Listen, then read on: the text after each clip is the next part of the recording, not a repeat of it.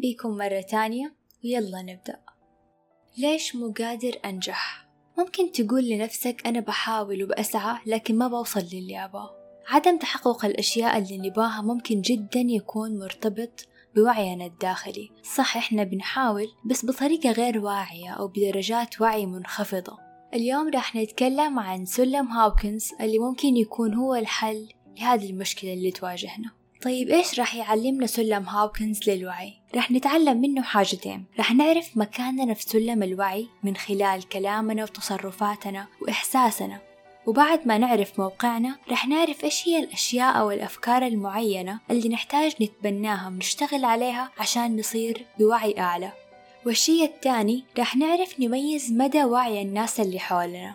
وحسب معرفتنا وملاحظتنا لمدى وعيهم رح نتعامل معاهم. وممكن نساعدهم لو كانوا يحتاجوا مساعدة ونكون إحنا قادرين على العطاء هذا. ومعرفتنا لدرجة وعي الشخص اللي بنتعامل معاه برضو راح تساعدنا في الحوار. وإذا كان الشخص غير مهم لينا تكون عبارة عن رسالة إننا نبعد وما نجادل ونهدر طاقتنا في مكان غير مناسب. طيب خلينا نشرح سلم هاوكنز من أقل درجة إلى أعلى درجة. أقل مرتبة في سلم الوعي هي على درجة عشرين هي العار. مرحلة العار سيئة جدا. يكون فيها الشخص ما يبى يتعامل مع أي أحد ما يبى أي تواصل اجتماعي. المرحلة كأنها انتحار للوعي. وتكون مدمرة للصحة النفسية لدرجة أنه هي ممكن تعكس وتخلي الشخص يمرض جسديا. وفي دي الحالة يكون الشخص حاسس بالعار يمكن من كل شيء من شكله من حاله من تصرفاته من أشياء سواها ويكون حاسس بالإهانة ويبغى الحياة تنتهي. المرحلة اللي بعدها على درجة 30 هي التأنيب. ولو نلاحظ إنه كل مرحلة هي أعلى من المرحلة اللي بعدها بشكل منطقي. في المرحلة الأولى كان الشخص حاسس بالعار دحين بيأنب نفسه على الأشياء الماضية. طلع درجة بيأنب نفسه بمعنى إنه هو بياخد ردة فعل على الأقل لنفسه. وممكن يكون تأنيب للآخرين كمان. مرحلة التأنيب تكون مليئة بجلد الذات والشخص فيها يحس إنه هو غلطان. ودي المرحلة فيها مجموعة من المشاعر زي الندم واتهام النفس وكل الأعراض اللي تجي مع الإحساس بأنه الشخص ضحية. وحالات التأنيب اللاواعي وبرضه ينتج عنها سلوكيات انتحارية. والمرحلة اللي بعدها على درجة خمسين هي الشفقة أو اللامبالاة. هذه المرحلة بعد ما كان الشخص في المرحلة اللي قبلها قاعد يأنب نفسه كأنه هجد كأنه صار في حالة ذبول. في المرحلة دي الشخص ما يكون عنده أمل ما يكون يبغى أي أحد يساعده وحتى إذا في أحد ساعده حيبعدوا عنه ويرفضه كأنه مستمتع بالوضع اللي هو فيه. ويتميز هذا المستوى بالفقر واليأس وعدم الأمل ويكون شايف الحياة سودة تماما. والمرحلة اللي بعدها على درجة خمسة وسبعين هي الأسى وهي مرحلة الحزن والخسارة. فيها اتكال على الغير والشخص اللي يعيش في هذه الحياة يكون بحالة اكتئاب دائم وندم على الماضي ويكون شايف الحزن في كل مكان.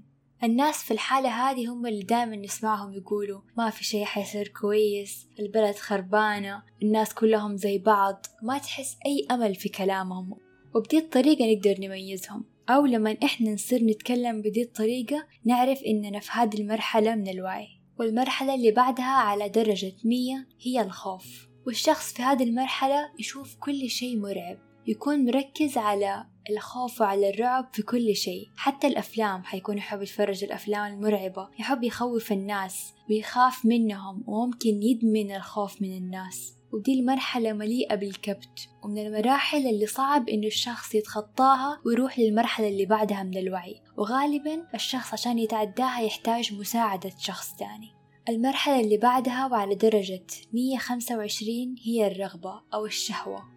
في دي المرحلة يكون الشخص كأنه استعاد كتير من طاقته. وبعد الحرمان اللي هو كان فيه والخوف يصير يبغى كل شيء بأي طريقة ممكنة. يبغى كل شيء والآن. دي المرحلة يكون فيها الشخص أناني وطماع وممكن يكون عنده استحقاق غير منطقي لأنه شخص عاش أشياء سيئة بالماضي فيشوف إنه أنا أستحق حاليا أكثر من غيري لكن بطريقة غير سوية. والمستوى اللي بعده على درجة 150 الغضب. بمعنى إنه الناس يعدوا مرحلة الشفقة والأسى والتغلب على الخوف وبعدين يجي المرحلة أنا أبغى بأي طريقة لما الشي ما يجيله يغضب.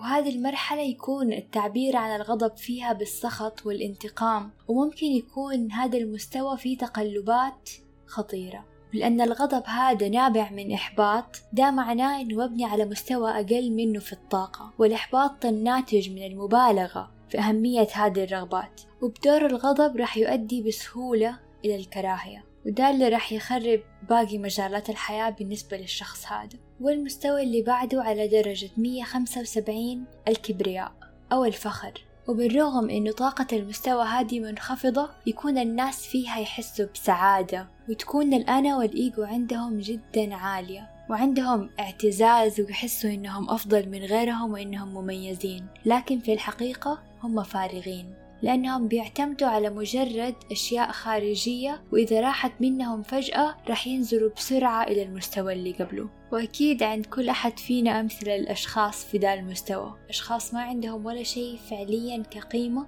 لكنهم متكبرين ويعتقدوا أنهم أفضل بكثير من غيرهم. والمستوى اللي بعده على درجة 200 الشجاعة. عند المستوى ده على درجة 200 تظهر القوة الحقيقية. دي هي مرحلة الاستكشاف والإنجاز والثبات والتصميم. وفي هذه المرحلة يحقق الناس أغلب الأهداف اللي هم مخططين ليها ويكونوا مستقرين مشاعريا وتجاوزوا مراحل التأنيب والحزن والعار. لكن مشكلتهم إنهم مجهدين جدا وياخدوا الأمور بتحدي زيادة عن اللزوم. وفي المرحلة هذه الناس يعطوا من طاقتهم قد ما ياخدوا عكس المراحل اللي قبلها اللي الناس إذا تعاملت معاهم ممكن يستنزفوك طاقيا. والمرحلة اللي بعدها على درجة 250 الحياد.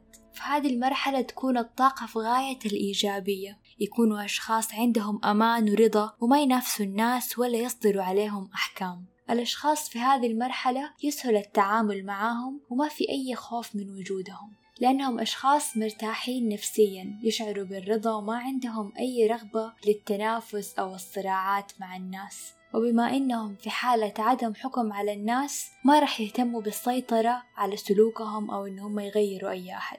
المرحلة اللي بعدها وعلى درجة 310 الاستعداد.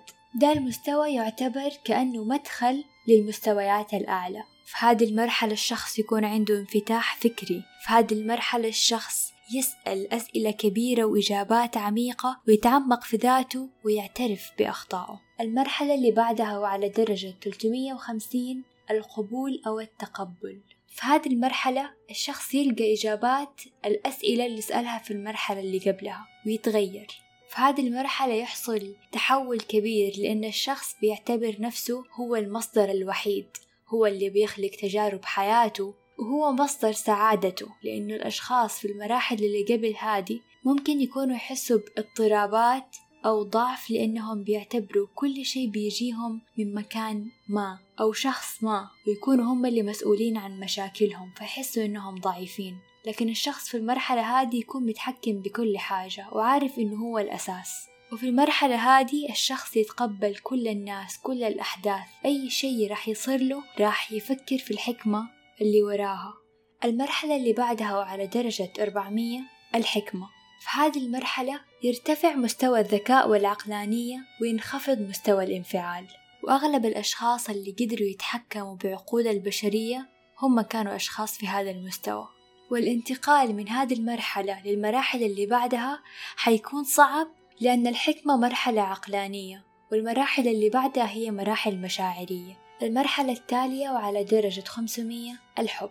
الحب اللي بنتكلم عنه هنا مو الحب بين شخصين أو الحب بين جنسين مختلفين. الشخص في هذه المرحلة يكون يحب كل شيء. يحب كيف يشوف يحب كيف يسمع يحب كل شيء حوله إن كان إنسان أو حيوان أو حتى جماد. وفي هذه المرحلة الشخص يمارس كل شيء بيسويه بحب. والحب يكون عنده حب غير مشروط ويحب كل أحد حتى الأشخاص اللي يكرهوه وأعدائه وأربعة في المية بس من سكان العالم يعيشوا في هذه الحالة. المرحلة اللي بعدها وعلى درجة 540 البهجة. الأشخاص في المرحلة هذه يقدروا يجذبوا أي شيء يبغوا ويكونوا أشخاص يقدروا يحولوا أي مشكلة في حياتهم إلى فرصة ويشوفوا في كل شيء جانب إيجابي. المرحلة اللي بعدها وعلى درجة 600 السلام. مجال الطاقة ده مرتبط بتحقيق الذات. وهو نادر مرة لدرجة إنه في شخص واحد من كل مليون شخص في العالم يقدر يوصل للمرحلة هذه. وفي المرحلة هذه المفاهيم تكون مختلفة عن كل المراحل السابقة حتى عن مرحلة الحب والبهجة. ويكونوا الأشخاص في هذه المرحلة بعيدين عن الناس وغالبا هم في عالمهم الخاص وأفكارهم مختلفة. والمرحلة التالية وعلى درجة 700 التنوير. وهذه المرحلة تكون للقلة وللمختارين. في هذه المرحلة يكون الأشخاص مندمجين جدا مع الكون وهذا المستوى هو قمة التطور في الوعي البشري. في هذا المستوى الشخص يتخلص من الأنا ويعيش حالة روحانية تامة. مرحلة التنوير هي أعلى مرحلة من مراحل الوعي. ودحين بعد ما خلصنا كل مراحل الوعي رح نتكلم شوية في إننا كيف ممكن نستفيد منها أكتر. دحين بعد ما عرفناها رح نقدر نميز المرحلة اللي فيها كل شخص بنتعامل معاه من كلامه وتصرفاته ومشاعره هو قاعد يعبر عنها. أول شي ننتبه لي إنه التعامل مع الأشخاص اللي تحت درجة 200 ممكن يدمرنا طاقيا وده الشي ممكن يصير بمجرد التعامل معاهم وإحنا مو حاسين. فلو ما كانوا أشخاص مهمين لينا فعلا نقدر ننسحب على طول. طيب نفترض إنه اللي بنتعامل معاه هو شخص مهم. إيش نسوي؟ ننقله لمرحلة أعلى. مثلا نشوف شخص هو في مرحلة الخوف. ممكن نحمسه إنه هو يطلع من هذه المرحلة وإنه يحقق أشياء فيروح للمرحلة اللي بعدها إنه يصير عنده رغبة نولد عنده هذه الرغبة. أو مثلا يكون شخص في مرحلة من مراحل الحزن وإحنا نبغاه يروح لمرحلة أعلى منها. نخوفه إنه هو ممكن يمرض بسبب الحالة اللي هو فيها. وممكن في بعض الحالات نحاول نطلعه لدرجة أو درجتين أعلى من المرحلة اللي هو فيها. وممكن نستعمل ده الشي مع نفسنا إحنا كمان. نشوف إيش مشكلتنا. هل إحنا خايفين نسوي نفس الشي مع نفسنا عشان نحاول نرتقي؟ وفي شي حابة أضيفه لموضوع الوعي؟ ممكن وإحنا بنقرأ أو بنسمع الدرجات حقت الوعي؟ نلاحظ إنه إحنا في وقت من حياتنا كنا في هذه الحالة وبعدين عدينا للمرحلة اللي بعدها. ما في أحد يوصل لمرحلة معينة ويفضل طول الوقت. إحنا في حالة طلوع ونزول يعني ممكن ما نكون في حالة معينة ونثبت عليها. وحتى لو كنا في درجة عالية أو كويسة من الوعي نحتاج نحافظ عليها وننميها لأنه ما في ضمانات إنه إحنا نفضل في نفس المستوى. ممكن ننزل بسبب موقف أو بسبب شعور سيء لمراحل متدنية. ومن فوائد سلم هوكنز إنه يحسسك إنك وصلت لمرحلة كأنك لام الموضوع أنت عارف إنت إيش بتحس في هذه المرحلة فعرفت فين موقعك من الخريطة. وعرفت إيش المرحلة الجاية كيف صفاتها إيش هي أفكارها. فبسهولة ممكن تتوجه لهذا الطريق وتتبنى هذه الأفكار وتطلع حبة حبة في الوعي.